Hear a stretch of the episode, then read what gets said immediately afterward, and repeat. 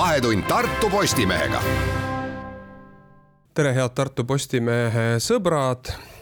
Te kuulate taas äh, taskuhäälingut, mille nimeks on pandud Vahetund Tartu Postimehega. olge juba ette selle eest äh, tänatud. seekord äh, on mikrofonide juures siis Tartu Postimehe reporter Eili Arula ning mina, Rannar Raba, Tartu Postimehe peatoimetaja.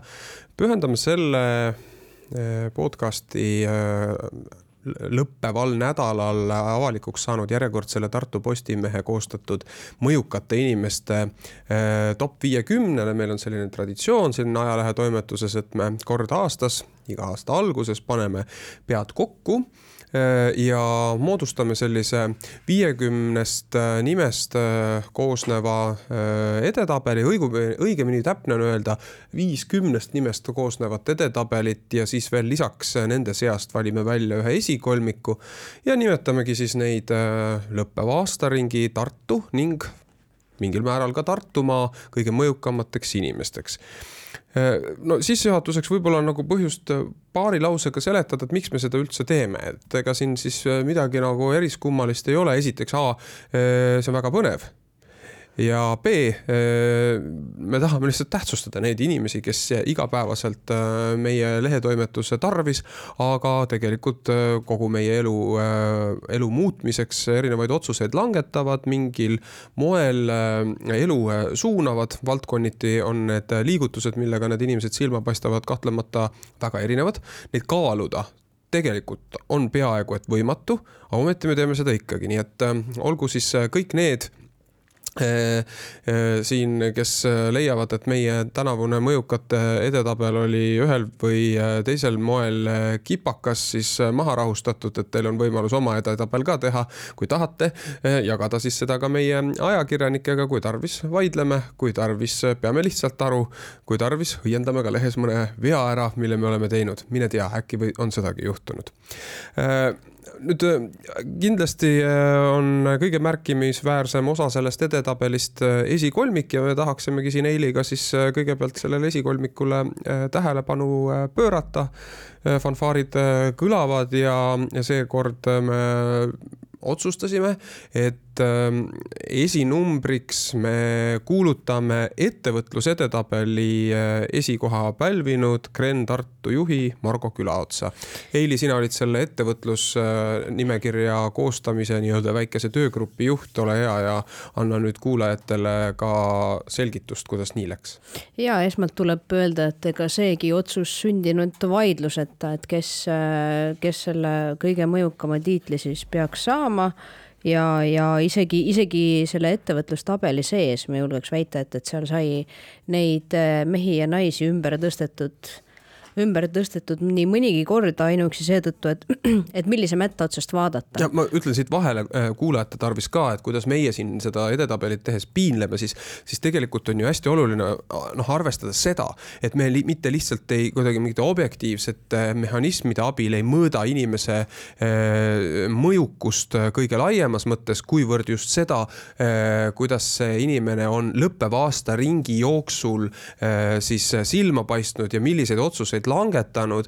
ühel aastal võib see olla üks inimene, teisel aastal teine, kui me lihtsalt kogu aeg kaaluksime eh, mingite muutumatute parameetrite alusel inimese mõjukust, siis me võib-olla peaksime igal aastal tegema täpselt ühesuguse topi, et kus sul on, ma ei tea, Tartu Ülikooli rektor näiteks esimene, linnapea teine ja kliinikumi juhatuse esimees kolmas. Eh, aga seda me muidugi ei taha teha, nii et see asi on palju subjektiivsem, nii et äh, ole hea, põhjenda seda ettevõtlusvalikut edasi. et ettevõtlusega ongi ka seda, et muidu oleks ju jube lihtne, et võtta taga majandusnäitajad ette ja siis hakkad selle järgi seal ritta säädma, et mis see siis sõltuvalt sellest, mida, mida me siis hindame, et kas müüki, kasumit või, või mida iganes, eks ole. aga jah, tõsi, see on äh, selline, selline, see mõjukuse tabel on siis säärane, et, et me hindame siis seda, äh, kuidas kuidas on inimeste suhestumine, kui paljude inimestega nüüd näiteks üks või teine ettevõtja on suhestunud ja kui palju see korda läheb. Margo Külaots, kes on siis Gren Eesti ja Gren Tartu juhatuse esimees on siis soojatootja, teadupärast soojatoot, sooja tootva eh, ettevõtte juht on siis täpne nimetus. kaug- ja kaugküte, igasugune energiakulu ja on eelmisel aastal olnud märksõna ja kaugkütte puhul, miks me teda just eriti esile tõstame, on see, et, et jätkuvalt kaugküttevõrgu laienemine käib ja väga edukalt, kusjuures äh, sooja hind on Tartus olnud võrreldes nüüd mingisuguste teiste suuremate asulatega võrdlemisi madal olnud seni, sooja hind küll tõsi, tõusis mullu, kuid ikkagi võrreldes siin teiste äh, teiste kantidega on ta ikkagi võrdle, võrdlemisi madal olnud ja seda seetõttu, et, et Margo külaotsa eestvedamisel on tehtud ära suured investeeringud, millest räägitakse täna, igasugused äh, roheenergia kasutused, rohepöörded, need on tehtud juba ammu ära, kümme aastat enne, kui keegi ei rääkinud neist igapäevaselt. seetõttu ongi suudetud hoida selle Tartu äh, kaugkütte klientidele kodudesse toasoe siis äh, soodsam ja seetõttu ja seetõttu oli ka. väga vähe on üldse ja. olnud Eestis neid kohti, kus äh, keskkütte hind nii pikalt on püsinud muutumatuna just, et see on, see on ikkagi jah, väga-väga pikalt on seda suudetud seda madalat hinda, võrdlemisi madalat hinda hoida. Ja, ja siis sellepärast saigi ta valitud meil kõige mõjukamaks, sest noh, võttes arvesse, kui palju on, on meil kaugküttest äh, toasooja saavaid inimesi Tartus, siis noh, see puudutab äh, tõesti suurt hulka tartlasi ja aja edenedes siis äh, veelgi enam tartlasi, sellepärast et nüüd laieneb ju kaugküte jõudsalt ka sellistesse äärelinnadesse, räägime siin noh, Ropka piirkond, Karlovasse on plaanis, torud on juba paigas ka Raadil Raadi piirkonnas siis, või õigemini Raadi kruusamäe on siis õige öelda, Raadi on ju Tartu valla osa, aga aga et ühesõnaga jah, et, et seetõttu jah, on minu põhjendus siis sellele, miks on Margo külats meil siis kõige mõjukam, mõjukate edetabelis sel sel korral. mina tahaksin veel esile tõsta selliseid ähm, kaudsemaid äh, asjaolusid, ehk siis äh, näiteks ka seda, et valdkond, millega Margo Külaots igapäevaselt äh, tippjuhina tegeleb, seostub kõige otsesemas mõttes ju ka nende suurte teemadega, mida nimetatakse või noh, liidetakse siis rohepöörde teemade alla. ikkagi see, mismoodi me oma hooneid kütame, kuivõrd säästlikult seda tehakse, milliste siis äh, kütteliikide juurde jäädakse, et need on väga keerulised valikud ja, ja, ja olla selles valdkonnas äh, aktiivne ja edukas on äh, märkimisväärne ja noh, loomulikult nagu sa juba siis mainisid, et ükskõik millise valiku sa teed, igal juhul see mõjutab tuhandeid inimesi ühe korraga, ühe hoobiga. jaa, absoluutselt. et noh, lõppude lõpuks loomulikult me võiksime öelda, et meie ettevõtluse esikümnest ükskõik kes võinuks tegelikult mingi põhjenduse puhul olla samuti sellel esikohal, aga selle aasta puhul me ju räägime millest ennekõike või noh, selle aastaringi puhul, mis e, meil nüüd just äsja selja taha on jäänud, me peame ju rõhutama ikkagi seda, et e, tegemist oli aastaga, mil Venemaa tungis Ukrainale kallale ja selle sõja kõrval mõjud ulatusid väga paljudesse eluvaldkonda, valdkondadesse, tekitasid väga kiire no ennenägematu, vaata, et inflatsiooni ja, ja, ja ka tegelikult toasooja hinna tõus on siis üks noh, märk sellest samast meid kõiki tegelikult juba päris mitmeid kuid piinanud protsessist. Ja aga kes on siis äh, numbri all kaks ja kolm, räägime neistki räägime, teisele kohale asetasime poliitiku Tõnis Lukase, praegu on ta haridusminister. Tõnis Lukas on muidugi selline mees, kelle puhul äh, pidevalt tuleb äh, korraks nii-öelda kand maha panna ja küsida, oot-oot, mis positsioonil ta nüüd siis praegu on, sest muutusi on äh, see mees olnud võimeline tegema läbi aastate väga palju. ka minister olnud juba vara, varasemalt õige mitu korda ja mitte ainult haridusministri positsioonil, vaid ka kultuuriministri kohal. miks just Tõnis Lukas? Edukas eeskätt äh, siis äh, tegelikult kahel põhjusel. esmalt äh, seetõttu, et selle aastaringi alguses oli ta veel Tartu linnavolikogu esimees ja selles äh, situatsioonis äh, andis nagu väga paljus ikkagi ainest tolle aja otsustele ja need seostuvad nüüd ka väga otseselt ikkagi Ukrainat räsiva sõjaga.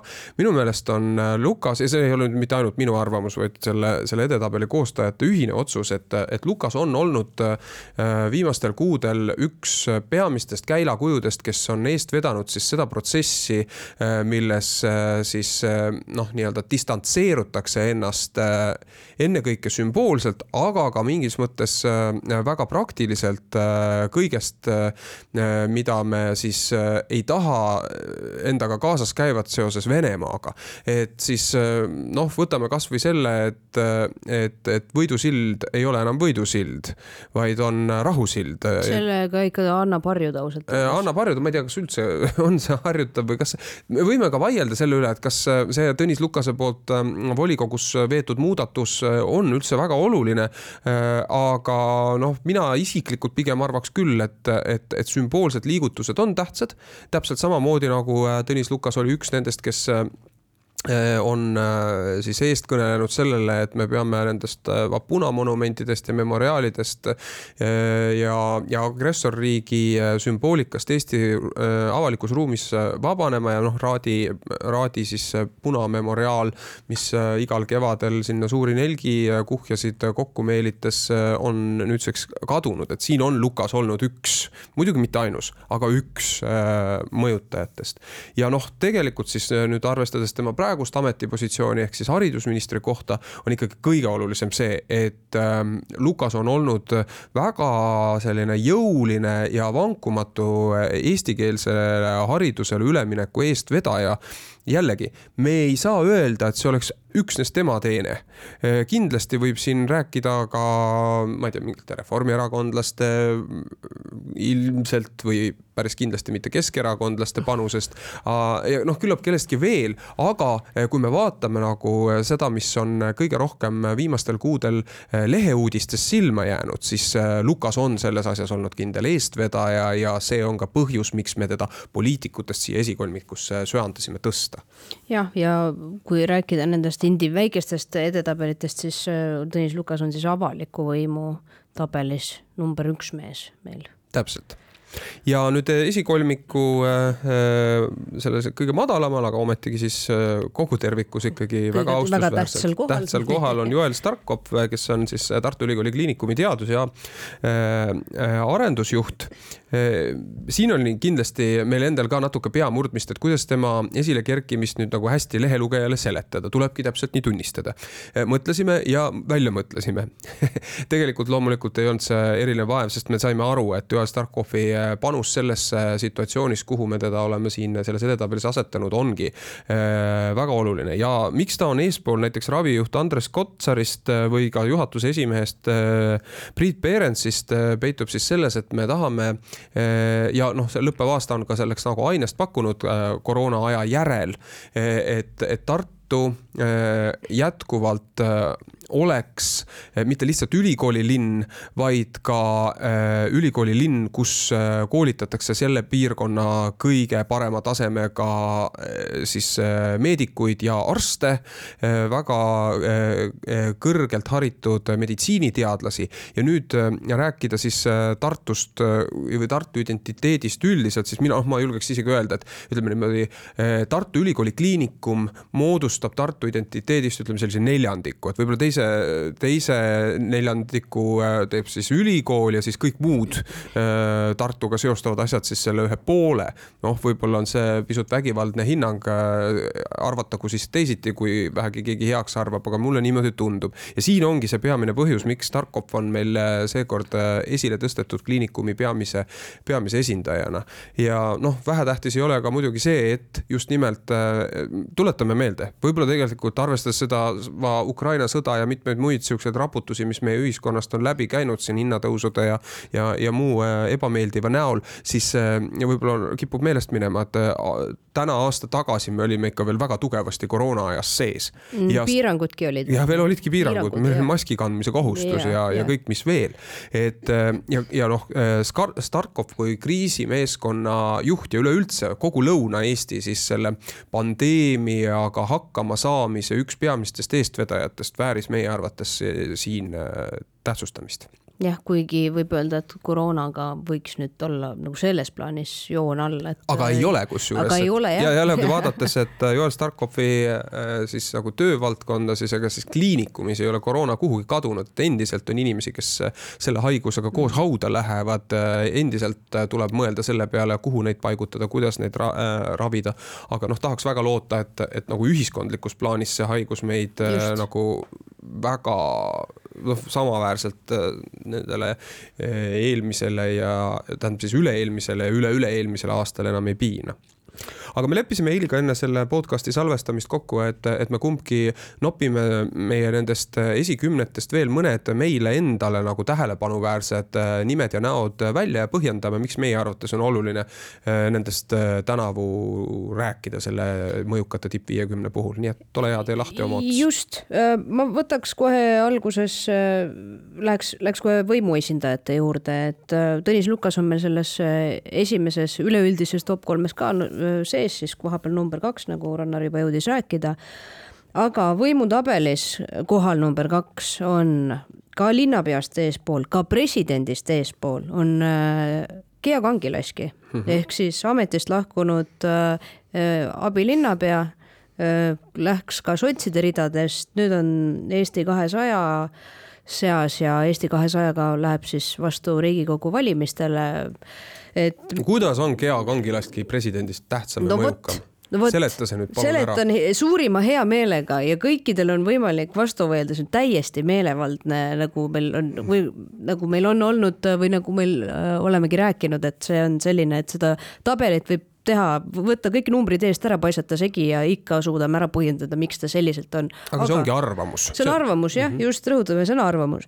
miks meie siis arvame, et Gea Kangilaski on, on linnapeast ja isegi presidendist äh, tähtsama mõjuga, räägime mõju, äh, mõjust Tartule ennekõike ja seda, ja seda mõju on ta, esiteks äh, mõju on juba selles osas, et, et kui see sotside värk siin sügisel käärima läks ja hakkasid sealt need äraminekud äraminekud toimuma, siis oli, Gea Kangilask oli suuresti võtmeisik, ta küll esi, esiotsa ei jooksnud kusagile, aga ta põhimõtteliselt keeras tuksi ühte koma teist, kui nii võib öelda, sotside jaoks, et noh, fraktsioon on praegu linnavolikogus praktiliselt olematu mm. -hmm. see, tema on võtmeisikuks ka selles osas, et ta võib ümber, võidakse ümber mängida Tartus terve linnavõim et see ei ole, praegu on ju Reformierakond siis äh, sotsiaaldemokraatide ja Isamaaga koalitsioonis, aga kuna jõujooned on nüüd äh, volikogus läinud äh, hoopis teistpidi, seega, et, et sealt sotsiaaldemokraatide ridadest lahkunud tegelased on liitunud Eesti kahesajaga, siis ühel hetkel äh, vahet-, võidakse sotsid välja vahetada üldse. no verstapostiks saab siin Riigikogu valimised, sest valimised kui pärast näitavad, seda jah. on näha, et Eesti kakssada peaks ka riigi tasandil mm -hmm. võimupiruka juurde pääsema, mis ei ole ju sugugi välistatud, siis, siis need valikud, mida Gea Kangilaski on viimasel ajal teinud, osutuvad või asetuvad hoopis teise valgusesse või, või, või või pälvivad nagu äh, senisest veel suurema kaalu. jah, selle, seetõttu just kohalikul äh, tasandil on tema mõju olnud äärmiselt oluline ja sellepärast me oleme ta sättinud siis linnapeast Urmas Klaasist. üldse ta on olnud päris aktiivne sõnavõtja erinevatel ja, üsna, teemadel. üsna ja üsna julgelt. ja, ja mis ja, ja siin on nagu oluline nimetada, et sõnavõtja nagu nendes küsimustes ka, mida, mis ei ole otseselt puudutanud tema eh, siis valdkonda abilinnapeana, sest noh, seda me loomulikult igalt poliitikult ootame, et oma tööd teeks ja seal aktiivne oleks, aga Kangilaski on olnud selline rohkem silmapaistev eh, kohalik tegija aga võimutabelist äh, on meil veel tegelasi, eks ole mm,? kes väärivad, väärivad äh, esile tõstmist? Äh, mina tõstsin tegelikult korraga välja kolm nime sealt veel, mille, kellele ma tahaks tähelepanu pöörata. esiteks Toomas Kapp, meie vee-ettevõtte juht ja, ja linnavolikogu liige, mõjukas reformierakondlane. miks tema? sellepärast, et tema keeras siis autovabaduse tuksi. hea küll, see on nüüd pooleldi naljaga pooleks öeldud, aga ta on tõepoolest olnud üks nendest, kes noh, ütleme siis mingi osa tartlaste meelest esindavad sellist kainet, esindab sellist kainet meelt linna juhtimise juures ja tuletame siis meelde, et kapp oli üks peamisi kriitikuid, kui tärkas idee läinud suvel rajada siis rattateed Riia tänavale, nii et liiklus, autoliiklusele jäänuks poole vähem ruumi. lõpuks asi kukkuski kokku, et ma ei anna siin praegu ja üldse toimetusena nagu ei andnud siin Toomas Kapi kaudu hinnangut sellele konkreetsele valikule. Aga see, mõju oli. aga mõju tal oli, nii et siin ei ole nagu üldse küsimust siis äh, veel tahaksin avalikust võimust esile tõsta Mihkel Leesi abilinnapead. miks? sellepärast, et tema kanda oli äh, nüüd läinud kevadel, äh, aga osaliselt ka siis suvel see, mismoodi sai Tartus lahendatud eri nurkade alt siis Ukraina sõjapõgenike vastuvõtmine. loomulikult Lees ju üksi seda ei teinud, see masinavärk oli märksa suurem ja ka sugugi mitte ainult linnavalitsuse poolt koordineeritud, aga noh, ütleme selle, selle, selle tegevuse ühe eestvedajana tal kahtlemata oli oluline mõju. Ja Lees oli ka kõikide selliste valdkondadega, seda asja puudutavate või tähendab valdkonnas asja puutuvate instantsidega väga hästi kursis. Ta koordineeris väga hästi selles mõttes, see jäi silma. ma ei tea, võib-olla on kellelgi vastupidist ka äh, väita, aga kuulnud jäi ei ole. jäi mulje mm,. jah, kahtlemata, aga poliitikul äh, on üks, üks, üks väga oluline omadus peab olema mulje loomine. nojah, tal on see õnnestunud. ja, ja ei. ja mõju ei, oli olemas. ei ole põhjust ilmaasjata ka kedagi kritiseerida, et eks siis, kui ähm, kriitikat kõlab, siis räägime sellest, aga äh, ja veel avaliku võimu esindajana, vaat see on nüüd küll huvitav, et me esind-, asetasime avaliku võimu mõjukate hulka inimesi inimese, kes praegu justkui üheski avaliku võimu positsioonis ei ole, see on Kajar Lember. Eh, aga miks? Eh, Kajar Lember, omaaegne Tartu eh, abilinnapea, kes justkui toomi-, toimingupiirangu ja korruptsioonisüüdistustega ametist lahti kan-, kangutati, kohtu ette veeti ja nüüd üle seit-, on see, sina oled neid lugusid kirjutanud? seitse jah, üle seitsme. üle seitsme aasta on siis kohtuvahet pidanud käima ja nüüd äh, alles hiljuti siis äh, näib, et äh, noh, igas mõttes võidukaks osutunud siis siin ongi peamine põhjus, äh, miks ta on selle avaliku võimu äh, äh, kategoorias meie arvates väga mõjukas, nimelt tema sõnavõtud, tema enda isikliku siis selle kohtuvaidluse taustal on väga olulisel määral mõjutanud seda, kuidas me vaatame prokuratuuri peale, eeskätt just nimelt prokuratuuri peale, kes, kes avaliku võimu kandjaid peab siis jälgima, et, et kõik käiks ikkagi seaduse tähe järgi. Ja ütleme siis nii, et ega ta ei ole nagu väga palju võimalust jätnud selleks, et me oleksime selle õigusemõistmise süsteemi äh, suhtes nagu, nagu lõpuni rahulolevad. et siin on tõesti küsimusi, miks ikkagi juhtub nii, et väga kaalukas avalikus ametis olev inimene võetakse hoobilt ametist maha, surutakse kohtu ette, noh veidi liialdades võib-olla öelda, võiks öelda, et piinatakse seitse aastat ja siis teatatakse, et noh, see asi kukkus kokku, et, et, et äh, hea küll, ma saan aru, äh, selleks ju tegelikult õigusemõistmise protsess ongi äh, selline, nagu ta on, et, et kahtlused tuvast-, kahtlused tuvastada, süüdistuseks vormistada, süüdi mõista või õigeks mõista, mõlemad variandid on okei okay.. aga ometigi seitse aastat kestnud ja sisuliselt mitte millegagi lõppenud protsess püstitab küsimuse, et kas siin on ikkagi millegagi liialdatud või millega midagi, midagi selles protsessis alahinnatud. no ja tõepoolest, ega seda, seda uudist, et, et Riigikogu valimiste eel, Riigikogu valimiste eel Kajar Lember mitte kuskile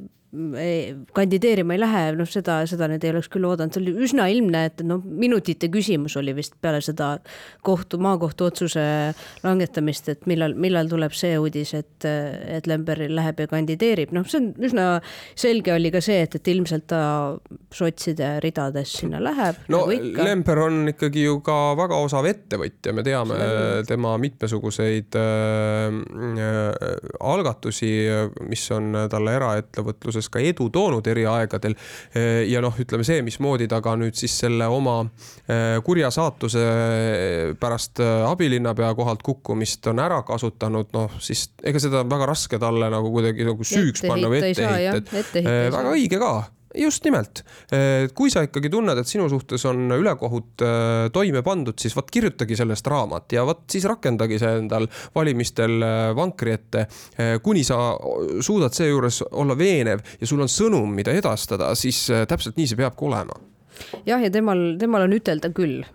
ja, koge, kogemuste pagas on ka juba. no ja, et ma tunne. julgeks küll öelda, et siin on äh, meil nagu ma ei tea, noh, kuidas sotsidel nagu üldse läheb, see üldreiting ei ole väga hea, aga võimalus Riigikokku pääseda äh, nüüd Lemberil on ikka nagu on kindlasti, väga reaalne.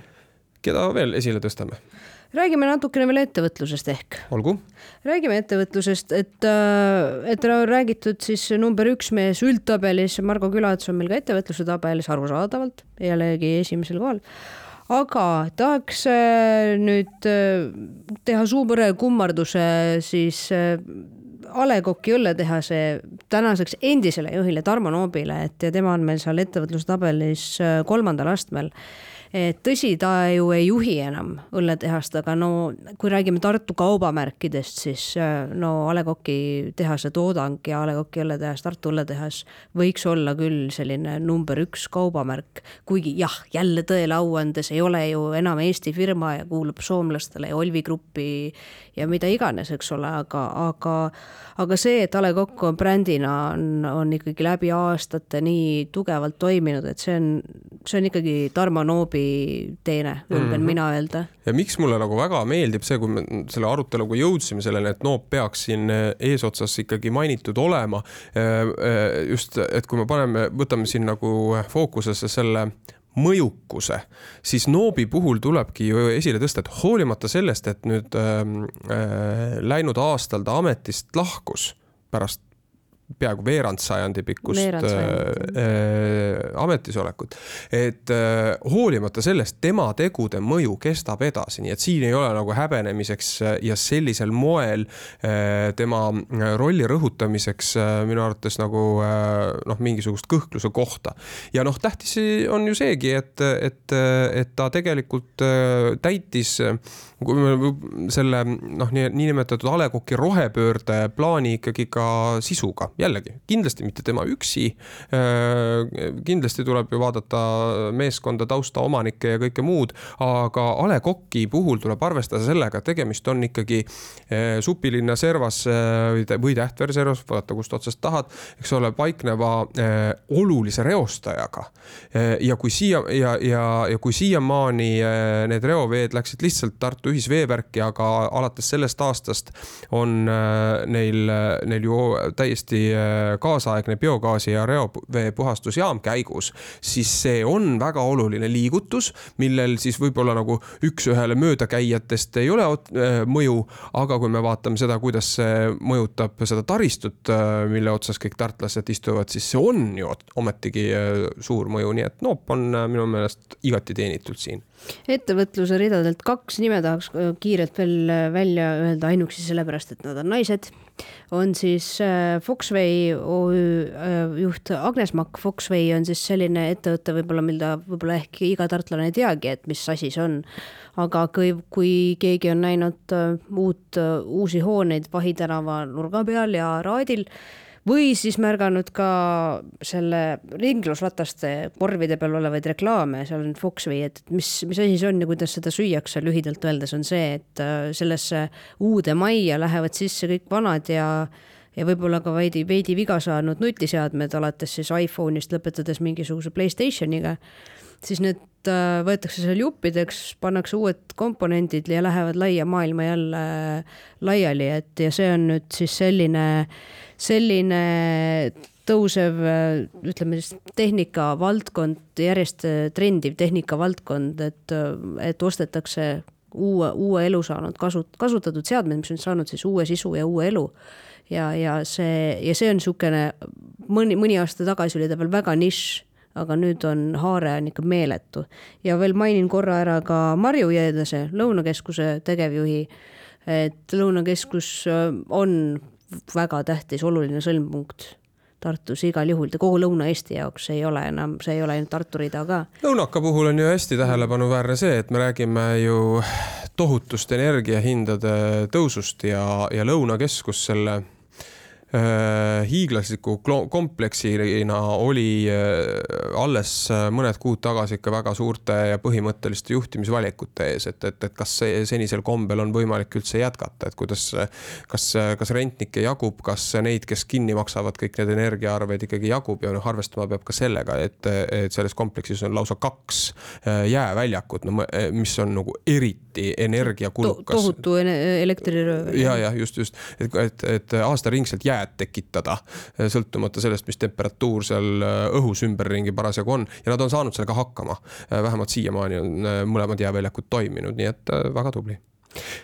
Ja, ja lähme edasi. ja ettevõtluses tahan ühte nime veel esile tõsta, see on Iko Saageni äh, grupi äh, isa ja eestvedaja Mart Ustav, temast me oleme varasemaltki korduvalt äh, rääkinud, aga mis on selle aasta Eh, või noh, ütleme siis eh, selle viimase aasta ringi eh, oluline märksõna, siis on see, et, et nüüd koroona ajal sellise turbokiirenduse juurde saanud ravimi, ravimite arendamise teaduse ja äri sümbioos on Icosagenil jõudnud selleni, et Erikal on kerkimas suisa tehasehoone ja, ja, ja kui Tartu, nagu me siin ennistki mainisime, eks ole Eh, ülikooli kliinikumi linnana eh, on eh, kahtlemata üsna kaugele kuulus ja, ja, ja, ja olulisi inimesi andnud keskus, siis sellega loogiliselt paralleelselt võiks ju käia ka teatav farmaatsiatööstus. ja see on olnud seni, arvestades seda ülikooli ja, ja ka kliinikumi potentsiaali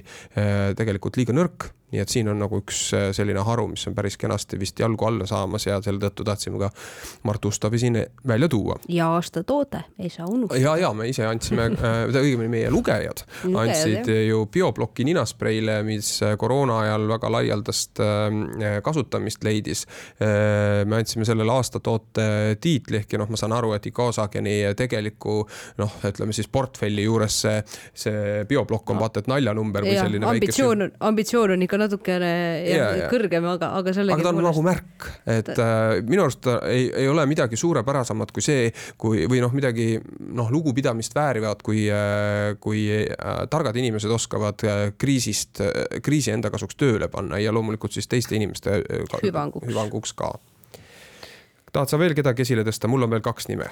mina tahan äh, esile tõsta nüüd äh, tublisid sportlasi mm. -hmm. ja taaskord äh, ma tahan alustada seda vähe tubli naisterahvaga, et, et kes, äh, kerime nüüd ennast aega jaanuar kaks tuhat kakskümmend kaks, isegi äh, tugevad tugitoolisportlased, kas mõelge nüüd selle peale, et kas te eelmise aasta alguses teadsite sellisest nimest nagu Karmen Pruus midagi siin isegi palju öelda naisterahvas, et ta on ikka veel täitsa neiu. üsna neiu jah. ta sai noornast... nüüd lõppeval nädalal äh, kaheksateist aastast. no vaata, kuna ta sai kaheksateist, siis Olgu. ma enam ei julgenud neiu ütelda, et ah. ei ole võib-olla lugupidav, aga noorsportlase tiitli ta ju sai, mis võiks viidata, viidata sellele, et ta on endiselt neiu, hästi aga ja ühesõnaga, et kes, kes tõesti, mina tõesti, mina arvan ka, et ma olen spordi, spordi vastu tunnen äh, huvi võib-olla rohkem kui, kui mõni teine keskmine eestlane, kui sellist on olemas. et äh, mina ka ei teadnud äh, temast enne, enne seda U kahtekümmet äh, kergejõustikuvõistlust ikka mitte midagi ja siis kuskilt hakkas tulema mingisugust uudist ja lõpuks, kui olid kus, kui olid siis äh, kergejõustiku meistrivõistlused, maailmameistrivõistlused Eugene'is ja seal tegi siis nii-öelda meie kõige parema tulemuse just Karmen Pruus siis mitte Rasmus Mägi, kes meil ka küll tabelis on, aga, aga oluliselt madalamal astmel. et noh, siis oli, minu hing oli selles osas müüdud ja, ja paljude teiste spordisõprade oma ka, ma arvan, äkki. ja sellepärast, sellepärast ongi see koht number kaks kultuuri ja spordi edetabelis. Karmen Pruus on lihtsalt väga suhtlejana väga andekas ja sümpaatne noor inimene ja, ja, ja see, kui ta, kui ta noh, seeläbi toob spordile rohkem tähelepanu, siis see ongi ju see, see peamine mõjukuse aspekt, mida üks sportlane saab endast ka, kaasa, endaga kaasas kanda väga lahe. Absoluutselt ja ole hea, ütle nüüd sina järgmine nimi. mul on äh, need kaks nime, mis ma veel äh, enda jaoks äh, välja kirjutasin sellistest nagu justkui pealtnäha mm, pehmematest valdkondadest, need on kultuur ja haridus, aga ometigi need teemad, mille tõttu need inimesed esile kerkisid, ei ole sugugi pehmed kuskilt otsast. esiteks Hiie Asser, Annelinna gümnaasiumi direktor, tuntud keelekümbluse eestvedaja ja õpetaja, siis tema on siin eeskätt selle tõttu, et jällegi me peame rääkima Ukraina sõjast ja sellest, et äh, ka Tartusse jõudis äh, hulk äh, sõjapõgenikke, nendega koos siis loomulikult ka haridust nõutavaid noori ja lapsi. ja nüüd siis Hasseri juhitavas Annelinna gümnaasiumis on neid saja viiekümne ringis tervenisti ja koolijuhil on siin väga suur mõju ja vastutus, kuidas äh, sellisel ootamatul, dramaatilisel, traagilisel põhjusel pärale saabunud äh, võõrastega hakkama saada, kuidas rahuldada kõiki nende vajadusi, pluss siis veel see, et tõepoolest nagu me ka Tõnis Lukase äh, nime juures ju esile tõstsime, väga paljud meist on ikkagi pidanud seda oluliseks, et, et ka sõjapõgenikud siin õppides saaksid osa eesti keelest. nii et äh, IE Asseri roll, ma tean, ta on ka, ka õpetajana klassi ette tagasi läinud, on siin väga-väga tähtis ja, ja, ja esile, esiletõstmist väärt. Äh, ja viimasena mina märgiksin ära Ants Siimu, kes on Tartu Linnamuuseumi kuraator noh, et kui sa asetad linnamuuseumi kuraatori puhtalt nagu ametipositsiooni mõttes, ma ei tea, kõrvuti ülikooli rektori või linnapea või no suisa presidendiga, siis tekib küsimus, et, et kas see ikka päris kohane on, aga kui me vaatame uudiseid, millest meil oli põhjust sel aastal äh, mitu lugu järjest äh, kirjutada, äh, kirjutada, siis Ants Siimul oli siin tähtis tähtis positsioon. nimelt oli tema üks nendest, kes söandas Tartu linna kultuuritöötajate madalad palgad äh, jutuaineks tõsta, vähe sellest, äh, kartmata siis kuidagi enda naha, naha pärast, äh, aitas korraldada meeleavaldust Raekoja platsil. ka käis linnavolikogus volinike tähelepanu sümboolse žestiga juhtimas, nii et tema on nagu selle võitluse käilakujuna meil siin tabelis sees ja noh me võime ju äh, rääkida, et neid, kes, ähm, kes, äh, kellel on põhjust oma sissetuleku üle kurta, eriti praegu, kus kõik hinnad äh, mürinal tõusevad, neid on ju palju, aga need, need, kes juba pikalt ja pidevalt on pidanud kuidagi ebaõiglaselt madalat palka saama, kui nad nagu esile julgevad astuda, siis see on terve ühiskonna märk ja selle tõttu on ka see Ants Siimu ja tema kaaslaste aktsioon meie arvates nagu väga oluline. nõus. nii kas tõmbame siinkohal oma tänasele äh, jutuajamisele joone alla selle argumendiga, et äh, kui me nüüd natukenegi veel edasi läheksime, siis me räägiksime kõik oma edetabeli uuesti üle ja need, kes ei ole jõudnud sellesse süveneda, võib-olla siis jätaksid ajalehe avamata. nii et äh, olge nüüd palun head äh, Tartu Postimehe sõbrad, kui te ei ole seda veel jõudnud teha, siis võtke meie mõjukate edetabel ette vaadake see läbi ja tehke oma peas siis omad valikud, et mida oleksite võib-olla samamoodi lahendanud ja mida teeksite teistmoodi. ja alati võib sellest ju meile ka teada anda. palun väga. järgmise korrani, kõike head.